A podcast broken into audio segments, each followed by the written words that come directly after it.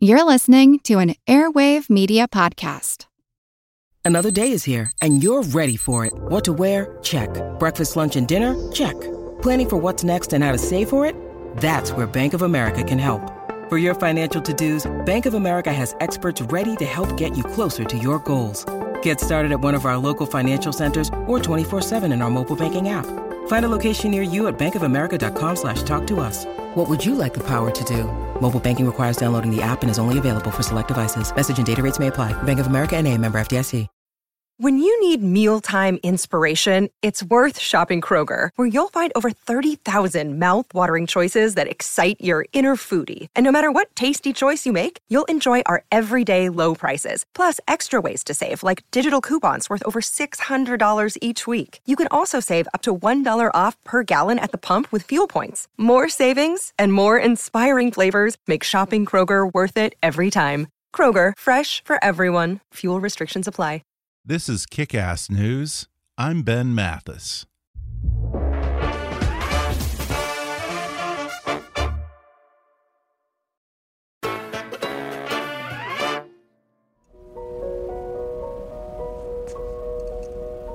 Are you ready to go back to Titanic? That was the late Bill Paxton playing an underwater archaeologist who discovers the lost wreckage of the RMS Titanic in James Cameron's epic film of the same name. Well, today I'm talking with the real deal, ocean explorer Dr. Robert Ballard, who not only discovered the Titanic, but also the German battleship Bismarck, the lost fleet of Guadalcanal, the USS aircraft carrier Yorktown, John F. Kennedy's boat PT 109, the hydrothermal vents known as black smokers that are the origins of life on Earth, and many other historical and scientific treasures at the bottom of the ocean. During his long career, he's conducted more than 120 deep sea expeditions, and he's a pioneer of the early use of deep diving submarines and telepresence technology, which he's putting to use in the JASON Project, an award winning long distance educational program that reaches more than a million students and 25,000 teachers annually. In 2008, Dr. Ballard founded the Ocean Exploration Trust and acquired his present ship of exploration, EV Nautilus, which embarks annually on a five month expedition and is currently exploring the waters off the Pacific coast of North America. Dr. Ballard is also the director of the newly created Center for Ocean Exploration at the University of Rhode Island's Graduate School of Oceanography, a National Geographic Society Explorer in Residence, a commissioner in the U.S. Commission on Ocean Policy, senior scientist emeritus in the Department of Applied Ocean Physics and Engineering at the Woods Hole Oceanographic Institution, and a fellow of the American Academy of Arts and Sciences. He's received 21 honorary doctorates and numerous awards, including the Explorers Club's Explorer Medal, the National Geographic Society's Hubbard Medal, the Lindbergh Award, and the National Endowment for the Humanities Medal. Today, Dr. Robert Ballard joins me to talk about the top secret government mission that he was on when he found the Titanic, what it was like the first time he personally went down to visit Titanic, and his outrage at those who are looting the sacred burial ground for profit. We also discuss what really sank the Lusitania, what Russia's up to in the waters around vital fiber optic cables in the Atlantic, and the future of fishing with sustainable floating fisheries in the open ocean. Bob Ballard also talks about the book that inspired him to become an ocean explorer and how he's now trying to bring his underwater adventures right into every classroom in America. Coming up with Dr. Robert Ballard in just a moment.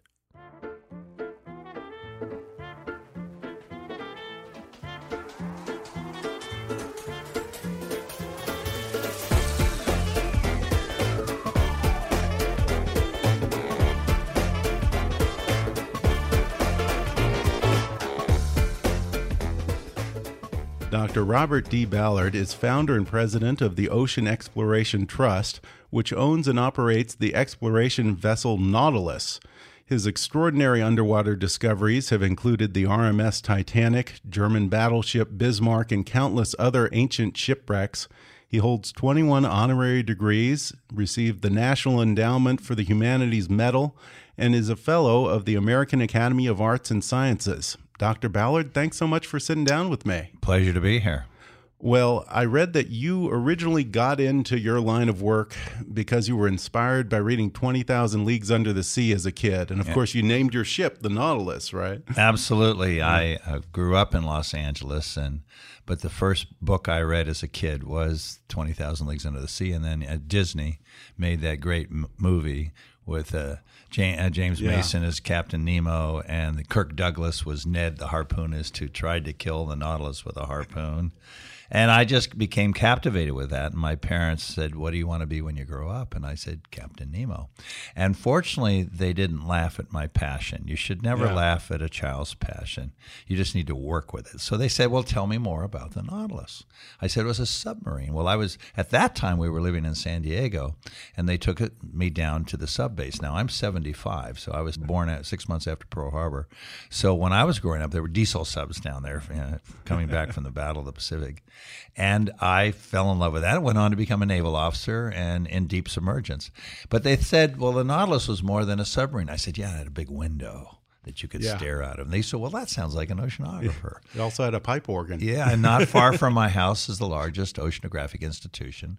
Uh, Scripps. So I went on to get a PhD in oceanography. So I'm just a kid from Kansas, planted in the warm sands of San Diego and Los Angeles, chasing my dream. Now, did it drive you crazy when they got rid of Twenty Thousand Leagues broke Undersea, the ride at, yeah, at Disneyland? But I was the, one of the first kids to go on it. I love. I think it was 1950. I used to love that. I think it was 1954 when the movie came out. Okay. I think the ride came in this in the, yeah. in the when I was about 14. Yeah, yeah. I now I fell. In fact, Nemo, you know, ironically, yesterday I was with uh, uh, Tim Disney because oh, I work. Really? Uh, yeah, he's the he's the uh, son of uh, Roy uh, Disney Roy Jr. Disney. Okay, and his grandfather was Walt Disney's uh, brother. Yeah, and so yeah, yeah small world. Huh. Well, in your early career, you were doing all of these scientific pursuits where you were going down to the hydrothermal vents Correct. and discovering underwater earthquakes. Yeah, in, we were in studying uh, seamounts, right? Well, well, I was lucky. You know, I, am a very lucky person. I, I, being in the right place at the right time uh, rather frequently. And so when I was uh, growing up and I, I, went to school here in, in LA, in elementary, junior, and high school. I went to UC Santa Barbara and began oh, my yeah. marine training. And then I went to graduate school at USC. But I uh, was in school during the Vietnam War, and I had received a commission because it was mandatory ROTC back then for kids at land grant universities. So I got a uh, a uh, commission in Army infantry, then later Army intelligence. But I went on what was called delayed to call to active duty to go to graduate school. And then one night there was a knock on a door, and there's a naval officer standing there with an envelope and says, Congratulations, you're no longer an Army officer. you're in the Navy, and you have six days to report to the deep diving submarine program at the Woods Hole Oceanographic Institution. So it was fate. Wow. And I got in my little VW and I drove across the United States and I reported for active duty as an ensign in the U.S. Navy March 10th, 1967. And the rest is somewhat history because I stayed at Woods Hole for 30 years, got my PhD in marine geology and geophysics, and did a lot of things since then. well, then. yeah. And how did you transition from studying underwater geology to in the 80s, I guess it was, that you suddenly started looking for sunken ships. Well, you know, it's an interesting story happen? now. Uh, if I were to told you this, this story in the 80s, I would have had to shoot you because it was classified. okay. Actually, the Titanic was a cover for a series right. of military operations. And uh, I wanted to build this new technology of what we call telepresence. See, the issue I was dealing with was getting in a submarine and going down to the bottom of the ocean. Well, Which the average very dangerous at those and, depths. And, uh, really very deep. Yeah. Uh, and so the problem is, if you go to the uh, average depth of the ocean, Titanic sits at about the average depth is 12,000, 13,000 feet. It takes you two and a half hours to get to work in the morning, two and a half hours to get home. That's a hell of a commute. Yeah, and when I dove to 20,000 feet, it was six hours each way, which meant you had minutes on the bottom. So after doing it for about a quarter of a century, I went off to Stanford and I was teaching geophysics. I was on sabbatical and I began to see what was happening in the emerging Silicon Valley microprocessing, digital imagery, fiber optics. I probably should have thought, you know, I could make a cell phone out of this, but I didn't. I, I, saw a way of moving away from human presence to telepresence, mm-hmm. to robotics. So this was 1979, and I came back and created a the Deep Submergence Laboratory and started building deep sea robots. And the beauty of that was that once you put the robot down, you can keep it down for days and days and days and days and just move mm-hmm. your spirit to the speed of light. And that's what my ship left uh, San Pedro yesterday on a six month mission. I'll be joining it shortly. Uh, I'll be coming and oh, going. I won't go the full, full six months, but you can actually not have to be on the ship anymore.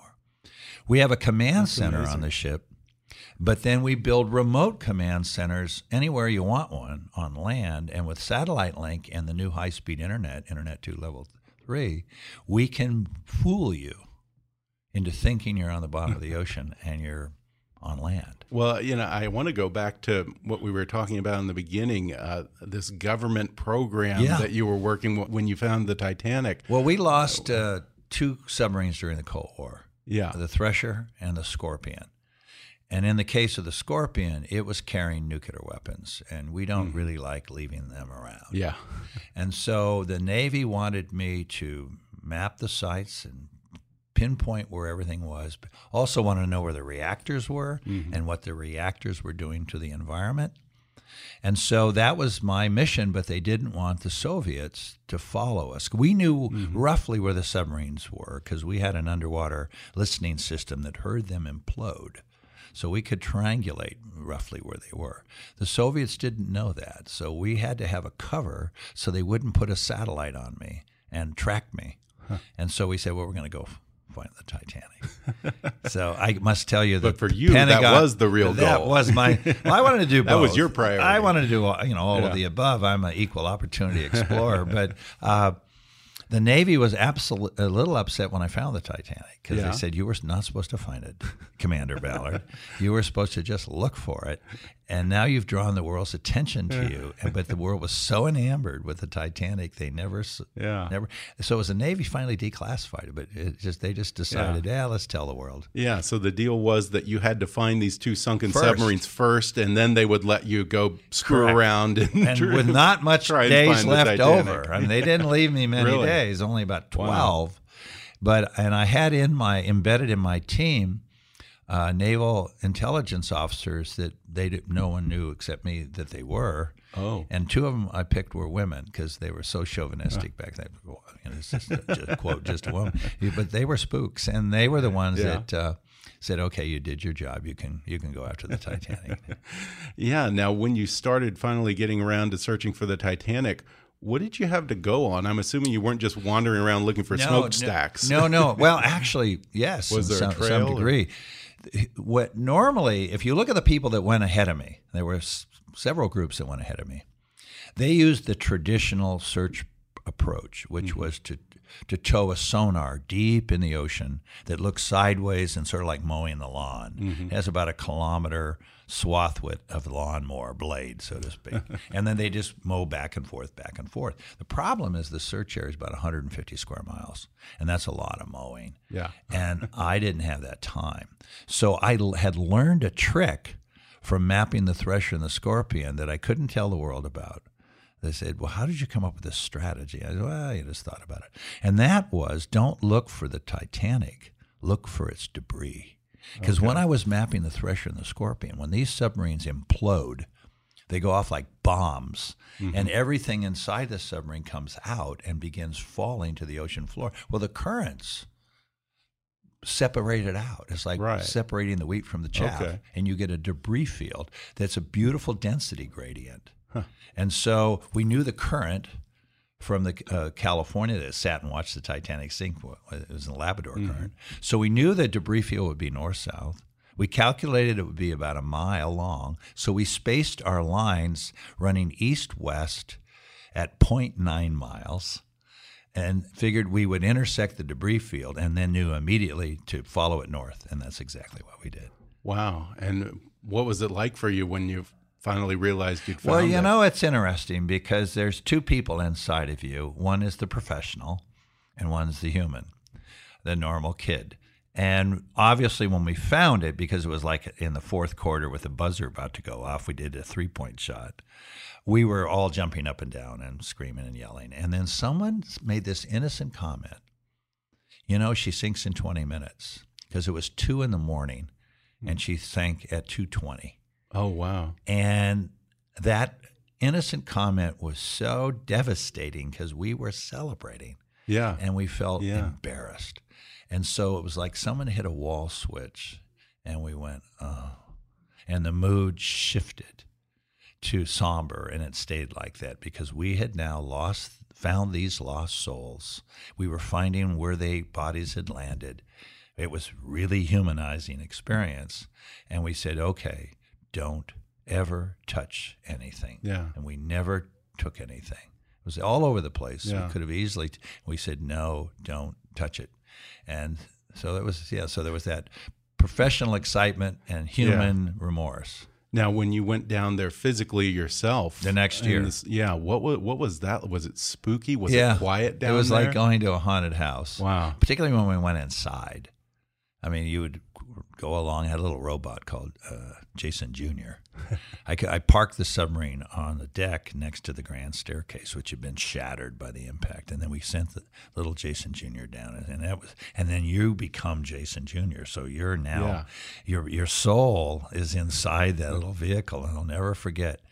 We were going deeper and deeper into the ship, and we turned, and a light came on in front of us that scared the living bejeeniers out of us. And we just jumped back, and the submarine hit our head, and and then we realized, well, we're not there; it's a robot. So let's go and find out. so we w- drove over to the light, and what it was was our lights bouncing off a chandelier. oh my God! It's like the you know the law you know the Yeah. gun gunfighter that draws on Yeah. a mirror. Well, Yeah. that's exactly what happened. so, but it was spooky. But then you the state of preservation uh, inside the ship, and particularly deeper you went, was really high state of preservation. Mm-hmm. Yeah, it's an underwater museum. Yeah, and you said that you never wanted to touch anything down there, but over the years, I've seen a number of touring Yeah. exhibits Yeah, well- where they have things that have been brought up and They don't toured a- around the country. I assume that that upsets you. That It you did. don't approve do, of that. do you go to Gettysburg with a shovel? yeah. Do you take belt buckles off the Arizona? Yeah, I, I see what you're saying. you know, do you really go down to where that person's remnants of that person? See, when a body lands and they came raining down, all the bodies that weren't in, all the people that weren't in life jackets came raining down, landing all over the place, and they're immediately found by animals and they're eaten uh, if you die in the woods. And then they expose your skeleton and then Mother Nature in the deep seas under saturating calcium carbonate, so it dissolves the, the skeleton. It takes about seven years, but it leaves anything they won't eat or dissolve, like your shoes. So all around the Titanic are pairs of shoes Oh my God, you're kidding. exactly in the orientation where they were once attached to the body. You can see the body with your mind. And so you come across a mother's shoes and her daughter's shoes next to her, and you're going to pick up their purse? yeah, that is unbelievable. Please. Wow. Yeah. So that's despicable. Yeah, yeah. So I I have- it's a graveyard. Other than that, I don't have very strong feelings. no, I think they're despicable people. Well, yeah, and I don't hear much of you searching for sunken pirate ships or No. lost Spanish galleons. Does that more mercenary Yeah. brand of ocean exploration not interest you, really? Well, because it tends to be highly destructive. Mm-hmm. You know, we have done archaeological expeditions where we're going to, and finding ships we do not know anything about, Mm-hmm. and under, if you properly done with with professionals who are Yeah. not grave robbers or treasure Right, hunters, yeah. then you excavate very much, just like you excavate uh, in, in any archaeological site, under the supervision of a project archaeologist, Mm-hmm. and that person makes the decision, not you. Nor is anything sold. It's it's any objects you collect are, are conserved in perpetuity, which is a long time, and then put on public display, display and accessible. Okay. So there's no So you're not looking for bullion that No. you can auction or no, something. no. Yeah, well, you know, uh, maybe there's some karma to that because it seems like you've had a lot more luck than those people who do set out to find that sort well, of thing. Well, we've discovered more uh, ancient shipwrecks in the deep sea than anyone else in the world, and Right. we we've been finding them like in the Black Sea, where I began my Nautilus journey in 2009 Mm-hmm. uh, when I first acquired it. Uh, we found shipwrecks that are perfectly preserved, in because the Black Sea doesn't have any oxygen in the deep water, so it's in Right. mint condition. And in fact, we recently found a ship from the classical period with human remains really? with their DNA. And so you figure there are, the United Nations estimates there are 3 million ancient shipwrecks in the ocean. And the wood hasn't decayed. No, and- perfectly preserved. Incredible. So think about 3 million time capsules of human history. Yeah. And I like to tell kids in middle school that their generation is going to explore more of Earth mm. than all previous generations combined. So the age of exploration is in middle school right now. And that's my job is to plant that passion inside them. We're going to take a quick break, and then I'll be back with ocean explorer Dr. Robert Ballard when we come back in just a moment.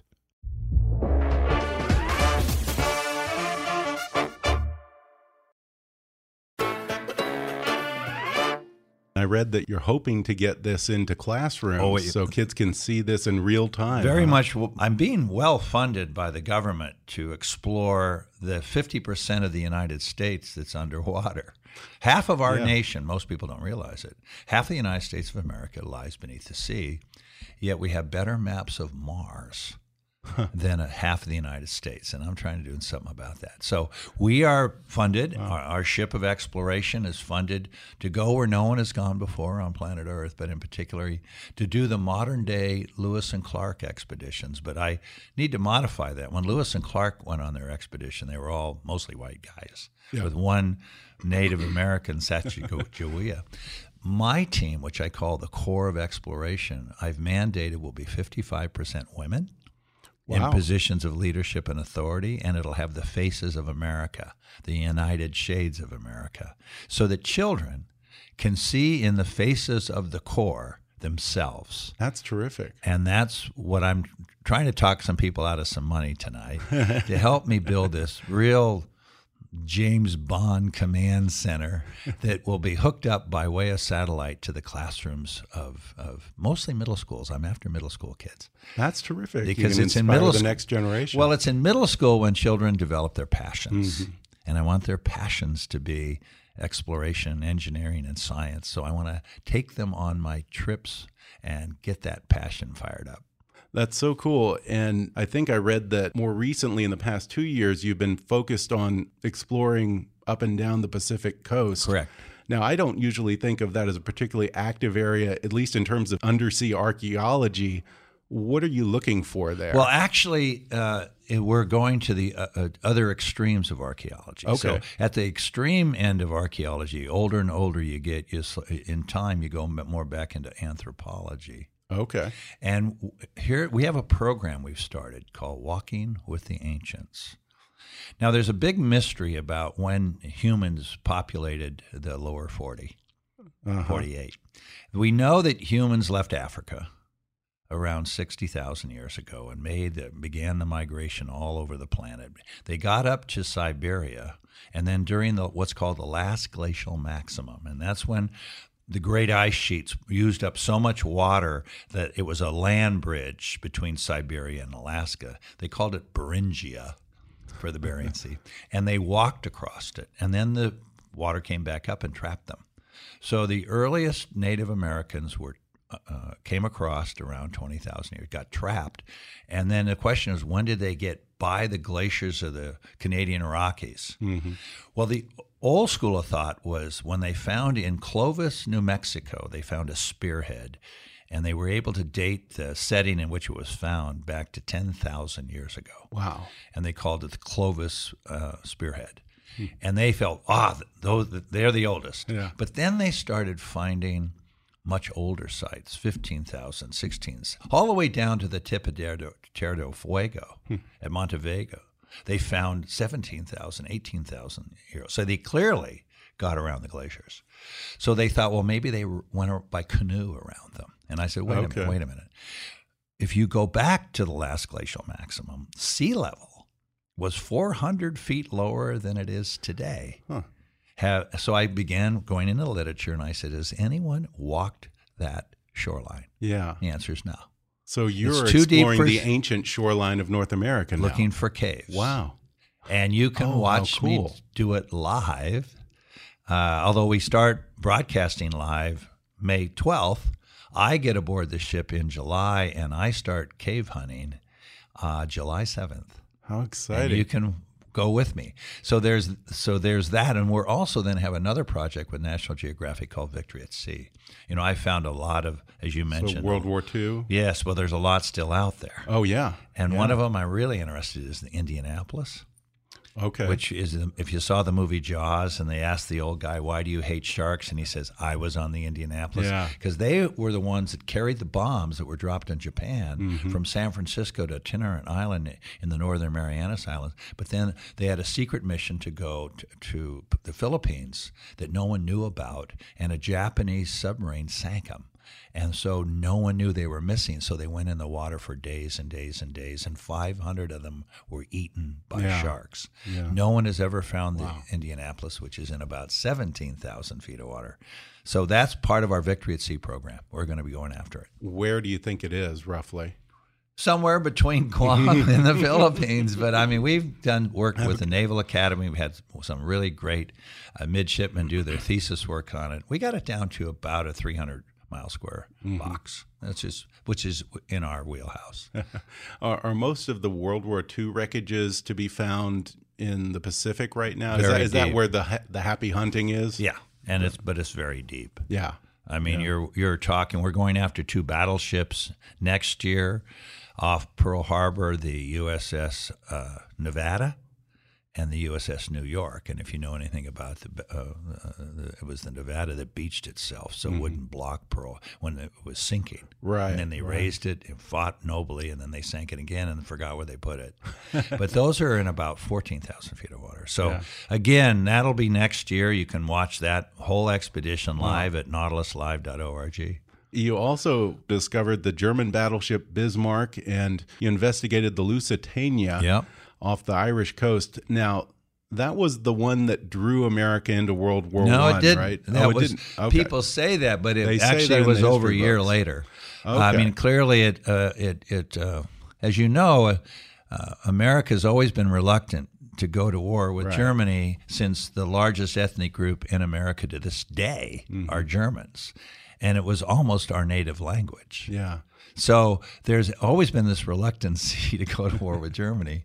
Uh, so we've come in later on in the game. Right. Uh, but the Lusitania, the mystery there uh, was not where it was. The, the fish, it was But sank how it sank. How it sank Yeah. and what caused the second explosion. Yeah. Because the Germans were very proud about what they did. And they, they even struck a medal for their crew members. And they said, because they argued it was carrying war material Mm-hmm. Which in fact it was when we, we investigated, but it wasn't explosive. So there, Mm-hmm. and remember the, the, the luxury liners are full of champagne and eggs and and Right. they're not bulk carriers, so they, Yeah. they can't carry. Uh, they didn't diminish the size of the people on the ship, but they were carrying a very small amount of what it turned out to be cartridges of shell uh, shell cartridges had nothing explosive about it. So so what our our mission with National Geographic was what caused that second explosion. So we went out to it, and you just ask the fishermen because they lose all their nets on it. It was right over there, so it was not a big search. uh, they said right there. Uh, it's right off the old head of Kinsale in, in Ireland on the on the on the eastern near near what is now called Cobh. It was Queenstown at the time. It was a British Navy base. And so we went there and quickly knew found it. And then we had on our robots very sophisticated uh, mapping so we could actually make it in three dimensions. So we made a three dimensional model on our computers of the Lusitania. It was laying on its starboard side, which is where the torpedo hit it. And we then superimposed the drawings of the Lusitania to look for where the magazine was. Okay. And so we now knew exactly where the magazine was. And it turns out because it was laying on its side up near the bow, it, it lifts off the bottom on the side. Okay. And so we went in underneath with another robot to exactly where the magazine was located, and it was perfectly intact. So the magazine did not explode. Plus, Okay. because so it would have been a torpedo. it torpedo hit. Okay. See, back in those days, they were driven by coal. Mm-hmm. Well, when you put tons and tons and tons of coal, you can create a lot of dust. So instead of bringing all the coal through, uh, uh, down into the ship, they would come up with barges next to the ship and pull open doors Mm-hmm. and put the coal in the bunkers right there, which meant the bunkers were right on the other side of the hull. Okay. Now, remember also, the Lusitania was at the very tail end of her mission. So she was mm-hmm. now almost all out of coal, except for piles and piles of coal dust, which is in a hot, Okay. hot room. Right. And so when that first torpedo hit, Yeah. it pushed Set it off a chain and then reaction. set off a chain reaction and unzipped her. And in hmm. fact, we then sampled the coal that was on the floor around the Lusitania. It's the most explosive coal that you can buy, bituminous coal that Really? you can buy. So it was, it was just, you know, that's what caused the secondary Okay. explosion. Because I had always heard that there were these theories that it was used to get us into World War One, and maybe it hadn't been a torpedo, maybe it had been an accident, or even there are some theories that it might have been a false flag operation to get an excuse to get us into the war. it- it- so it was definitely torpedoes. It was, and, but you could maybe fault Churchill Really, for not sending out an escort. He was the head of the admiralty. then, Admiralty at the right? time. And what happened was Germany issued a warning in the New York Times. They could see them. The agents could see them loading the Remington uh, cartridges aboard. In fact, when the uh, the uh, family, I'm trying to remember the family that sued the White Star Line or the, the Cunard Line, uh, who had uh, Vanderbilt, Okay, uh, Commodore Vanderbilt died. really. So the Vanderbilt family sued the Cunard Line for reckless endangerment, and the trial was tried in District 1 in New York. So we went to District 1 in New York and got out the old trial records. And in that, in the, in the findings they produced, Remington admitted to what they had put aboard Really? and where they'd put it. So, in fact, they had recklessly endangered Yeah. the ship. So, uh, what we wanted to show was that that that yes, it was reckless endangerment. So the Germans actually felt fine about what they were doing. Yeah. And Churchill could have sent out escorts because he was sunk within sight of a British naval base. Yeah. And he did not send out. So did he? Was he setting it up for the kill? Oh, okay. To lure us in. Yes. Yeah. It didn't. But Yeah. Did he set us up? Potentially. up? Was a potentially set up the kill? Interesting. Yeah. going from early 20th century warfare to 21st century warfare, I want to ask you about something that I was hearing about about a year or two ago. It was widely reported that there was Russian submarine activity and spy ships near undersea fiber optic cables in the Atlantic. The concern, of course, being that they might attempt to sabotage or cut off vital lines of global communication. I'm sure that you have a pretty good idea of where those cables are. Have you or any of your team ever seen any suspicious Russian activity in those areas? Mm-hmm. Yeah, really. Uh, you can. I'm a naval officer and things are classified, but Right. I can tell you this. Uh, critical to our winning the Cold War was our discovery by scientists in the 1950s of what's called the sound channel. Mm-hmm. There's a particular layer about a thousand meters down where sound below is ducted up and sound above is ducted down. Now, mm. whales have known about the sound channel for a mm. long, long time because it's how they can communicate with one another over large distances. But when we learned about the sound channel, we then found a way that we could listen to Soviet submarines because the early diesel submarines, even the first nuclear ones, ha- had very poorly milled propellers and they would cavitate. A cavitate is where the, it spins and it creates bubbles and the bubbles collapse and makes a lot of noise. Yeah. So we then began uh, uh, installing what was called the SOSUS system all around the world, off Iceland, on, particularly in what we call choke points, where we know they have to come, like between Greenland, Iceland, and Norway. It was, if you read Hunt for Red October, that's where the Dallas Right. was sitting. These are choke points. Uh, Gibraltar, uh, Black Sea, anywhere, because the Soviets did not have free access to the open ocean like we do. Right, They were they were they were buttoned up. Yeah. So we were able to then track their Typhoon submarine, their ballistic missile submarines, like the Red, October, and be able to then put a uh, one of our killer submarines right on uh, behind them because the nuclear war during the Cold War was 20 minutes long.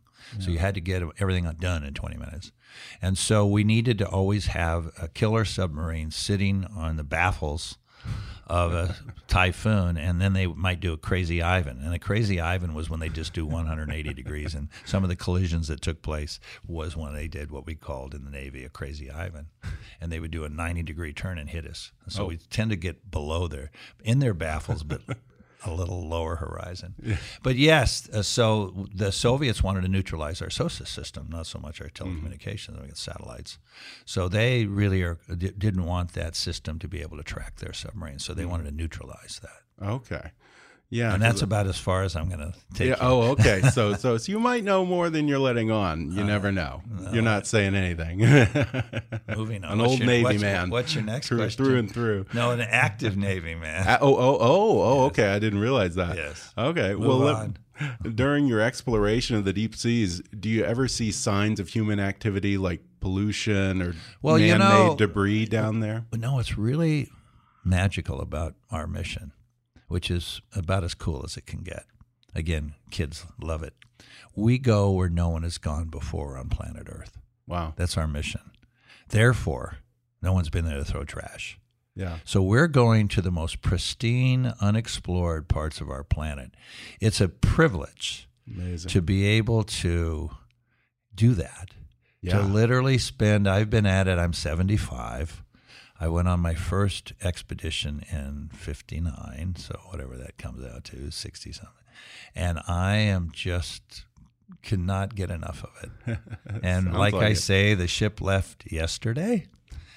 And it's just doing shakedown, so I'm not going to go on a shakedown cruise. No. But it will be going hot and heavy uh, starting May 12th. yeah. What what areas along the Pacific are you covering this year?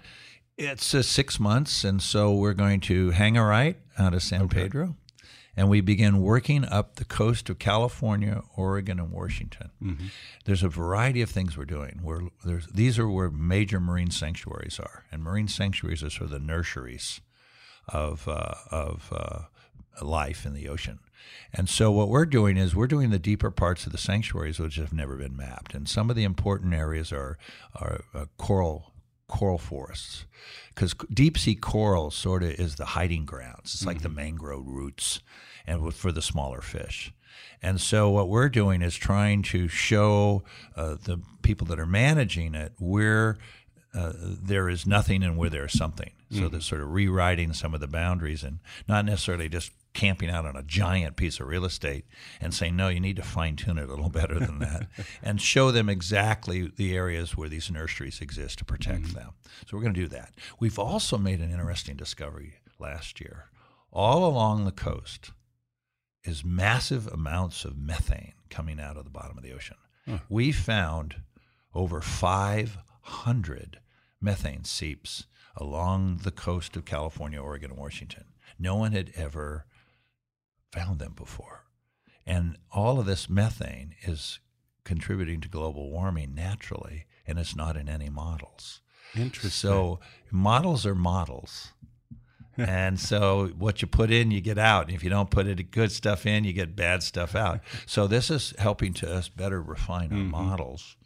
But it also is a source of methane uh, gas, which is a clean gas, and also the uh, the uh, ecosystems that are living off of the methane like the hydrothermal vents we discovered in, in the Galapagos Uh-huh. when I was co-chief scientist of that, which proved the origin of life on the planet, Yeah. which wasn't too bad. uh, we're also finding massive uh, deposits of copper, lead, silver, zinc, and gold, particularly up on. There's your treasure. well, but uh, I, our job is to map. Uh, we're Yeah, we're okay. we're Lewis, or we sh- I should say Lois and Clark. Okay, so you Our- just point the finger. Our job is to. We've been hired to map. America. Like I don't think Lewis and Clark got a cut out of the Kennecott Yeah. copper mines. I don't think they got any cut out. We're not going to get any cut out of this. We're explorers. I, I read that more recently you've taken an interest in the possibility of building floating colonies Yeah. on the ocean. What Yeah. would that look like? Well, let me tell you about that. Uh, some fast statistics. Ninety-five percent of the human race lives on less than five percent of Earth. Let that sink in. Ninety-five percent of the global population lives on less than five percent of the Earth. Why? Well, most of it's underwater. Start off seventy-two percent right now. Then look at the The irony being that they're all along the coast too. yeah, but then but then look at the twenty eight percent that's quote land. 40 percent of the twenty eight percent uninhabitable.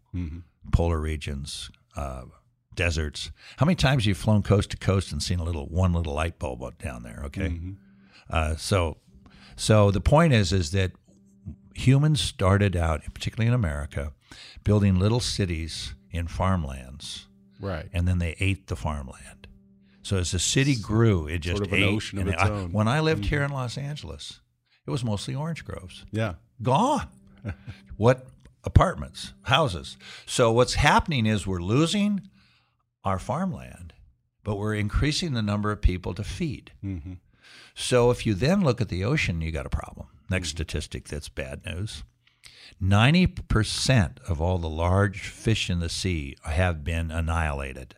Right. Okay. Why? We're eating the lions and tigers and bears of the mm. ocean. If, if you went into a supermarket and instead of getting a chicken or a pig or a cattle that was eating grass, that was a herbivore, you ate lions, tigers, and bears, there mm. wouldn't be any. Yeah. And so we, what we're now looking at is we have to move away from a hunter gatherer society in the ocean like we did on land. 11,000 years ago, we domesticated goats and sheep. We had to cultivate wheat and corn. And so we need to move away from a hunter gatherer society in the ocean to a farming and herding society. Okay. And to see so everyone talk fisheries and that sort of thing but it- instead of in but the open seas. fisheries, for example, uh, where you take a, a carnivore fish like a kampachi, which Mm-hmm. Okay. uh, which is being done right now, which we buy in a sushi restaurant called hamachi. Right. Okay, when you buy hamachi in a sushi restaurant, that's seventeen dollars and fifty cents a pound wholesale. A pig's a buck fifty. So this is an order of magnitude more. What they did is they flipped it from being a carnivore to a herbivore. And they moved it down to the lower trophic levels, which have less contamination.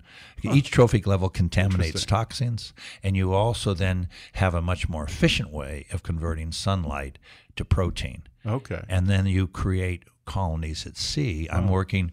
I'm now based. I have a new home base here in Los Angeles at, in San Pedro called AltaSea, and one of my uh, uh, roommates in that facility is the Catalina Sea Ranch. Okay. And they're the only major aquaculture. They're the only aquaculture program in federal waters between uh, Los Angeles and Catalina. Is Okay. and they're harvesting amazing amounts of, of mussels. They're looking at oysters, and it's scalable. It's an infinite amount. So what we need to do is uh, the the dialogue historically is always Sustainable seafood at its no best. past Oh, that beyond that. Okay. increase, Yeah. not sustain. Really? Oh.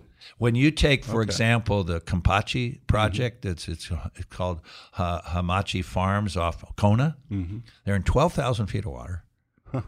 They have cages suspended below uh, ships hitting them, Oh wow. So And this in those really cage- is farming the ocean. but they're in water that has zero productivity at this present moment. Wow. So they're going in. So you have to remember another number. You know, I'm, I'm. I, people need to have their lives driven by facts. And- Especially these days. Yes. 95% of the living space where things live and can live on this planet are in the high seas. Wow. 95% totally unexplored, totally uninhabited. Hmm. That's where you go in into this 95% of living space Yeah. and and you explode its productivity. hmm Exciting stuff. Well, before we go, you already discovered the Titanic, so I can't imagine what's bigger than that. But do you have something that remains kind of your holy grail, Yeah. something you'd still like to find? Well, let me tell you this because it's it's interesting. I've been at it since 1959, 150 expeditions under my belt. But the most important, we're, we're not the Titanic. We knew that existed. It was the discovery of the origin of life with the discovery of hydrothermal vents. Yeah. It was a discovery of black smokers that showed us how the chemistry of the world works and that water is going inside the planet and out on a regular circulation system, depositing vast resources. None of those things we knew. We went looking for A and found B, which proved to be more important. Mm-hmm. So my reflective reaction Um, back in 2009, looking back at my career, realizing it was coming to an end at some point, I said, we need to go back to just fundamental exploration. Mm-hmm. And so when a child asks me, what are you going to find next? I say, I don't know. That's the most exciting of all. I don't know, but I'll tell you when I do. And hey, do you want to go? now, I don't want to sound silly, but how about Atlantis? Is that a fool's errand? No, well, all myths like that are based Okay. upon. But it could have been, you know, that we know that there was great floods Mm-hmm. during the during human history. In fact, most uh, Noah's flood. Right. The Gilgamesh is the Persian version of Noah's flood, but in the Persian Sea. Native Americans have flood stories. We know that during uh, the Ice Age, uh, where we're looking for walking with the ancients, that there was at the uh, last glacial maximum 20,000 years ago, there was 15 million cubic kilometers of ice that went back into the ocean, and it did it violently. Yeah. It didn't go trickle, trickle, trickle. What happens was, and I've written some major science papers on this, but take the Hudson River, for example. Mm-hmm. Glaciers follow rivers. They're basically a frozen river Right. under the influence of gravity. So imagine this gigantic ice sheet. Where I live in Connecticut on the Long Island Sound, it was two miles high. Wow. That's a big ice cube Yeah. and it bulldozes. If you look at mm-hmm. Nantucket Island, for example, it's in the it's in the shape of what we call a terminal moraine, Yeah. the tongue. So when a glacier retreats, which they really don't retreat, mm-hmm. they melt faster than they're advancing. But the front retreats, it drops its terminal moraine and it dams the river. So the water can't get out initially, and you Okay. formed vast inland seas.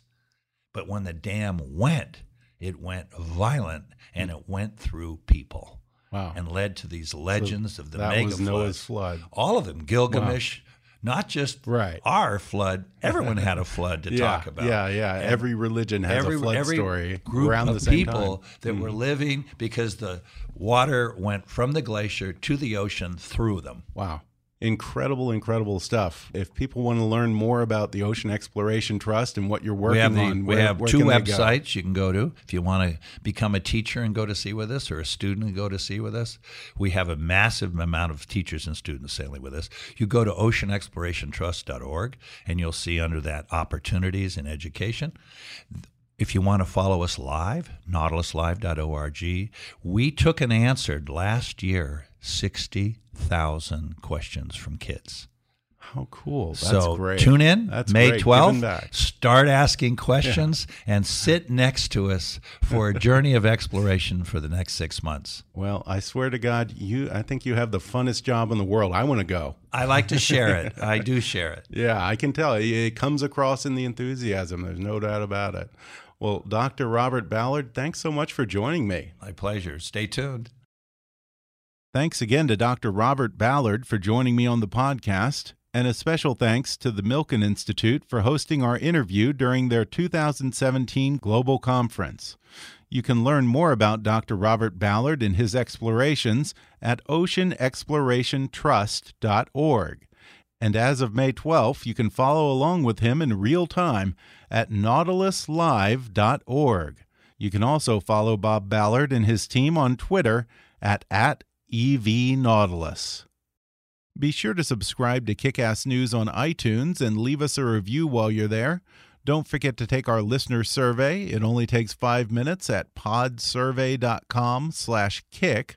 You can visit Kickass News on Facebook and follow us on Twitter at, at KickassNewsPod.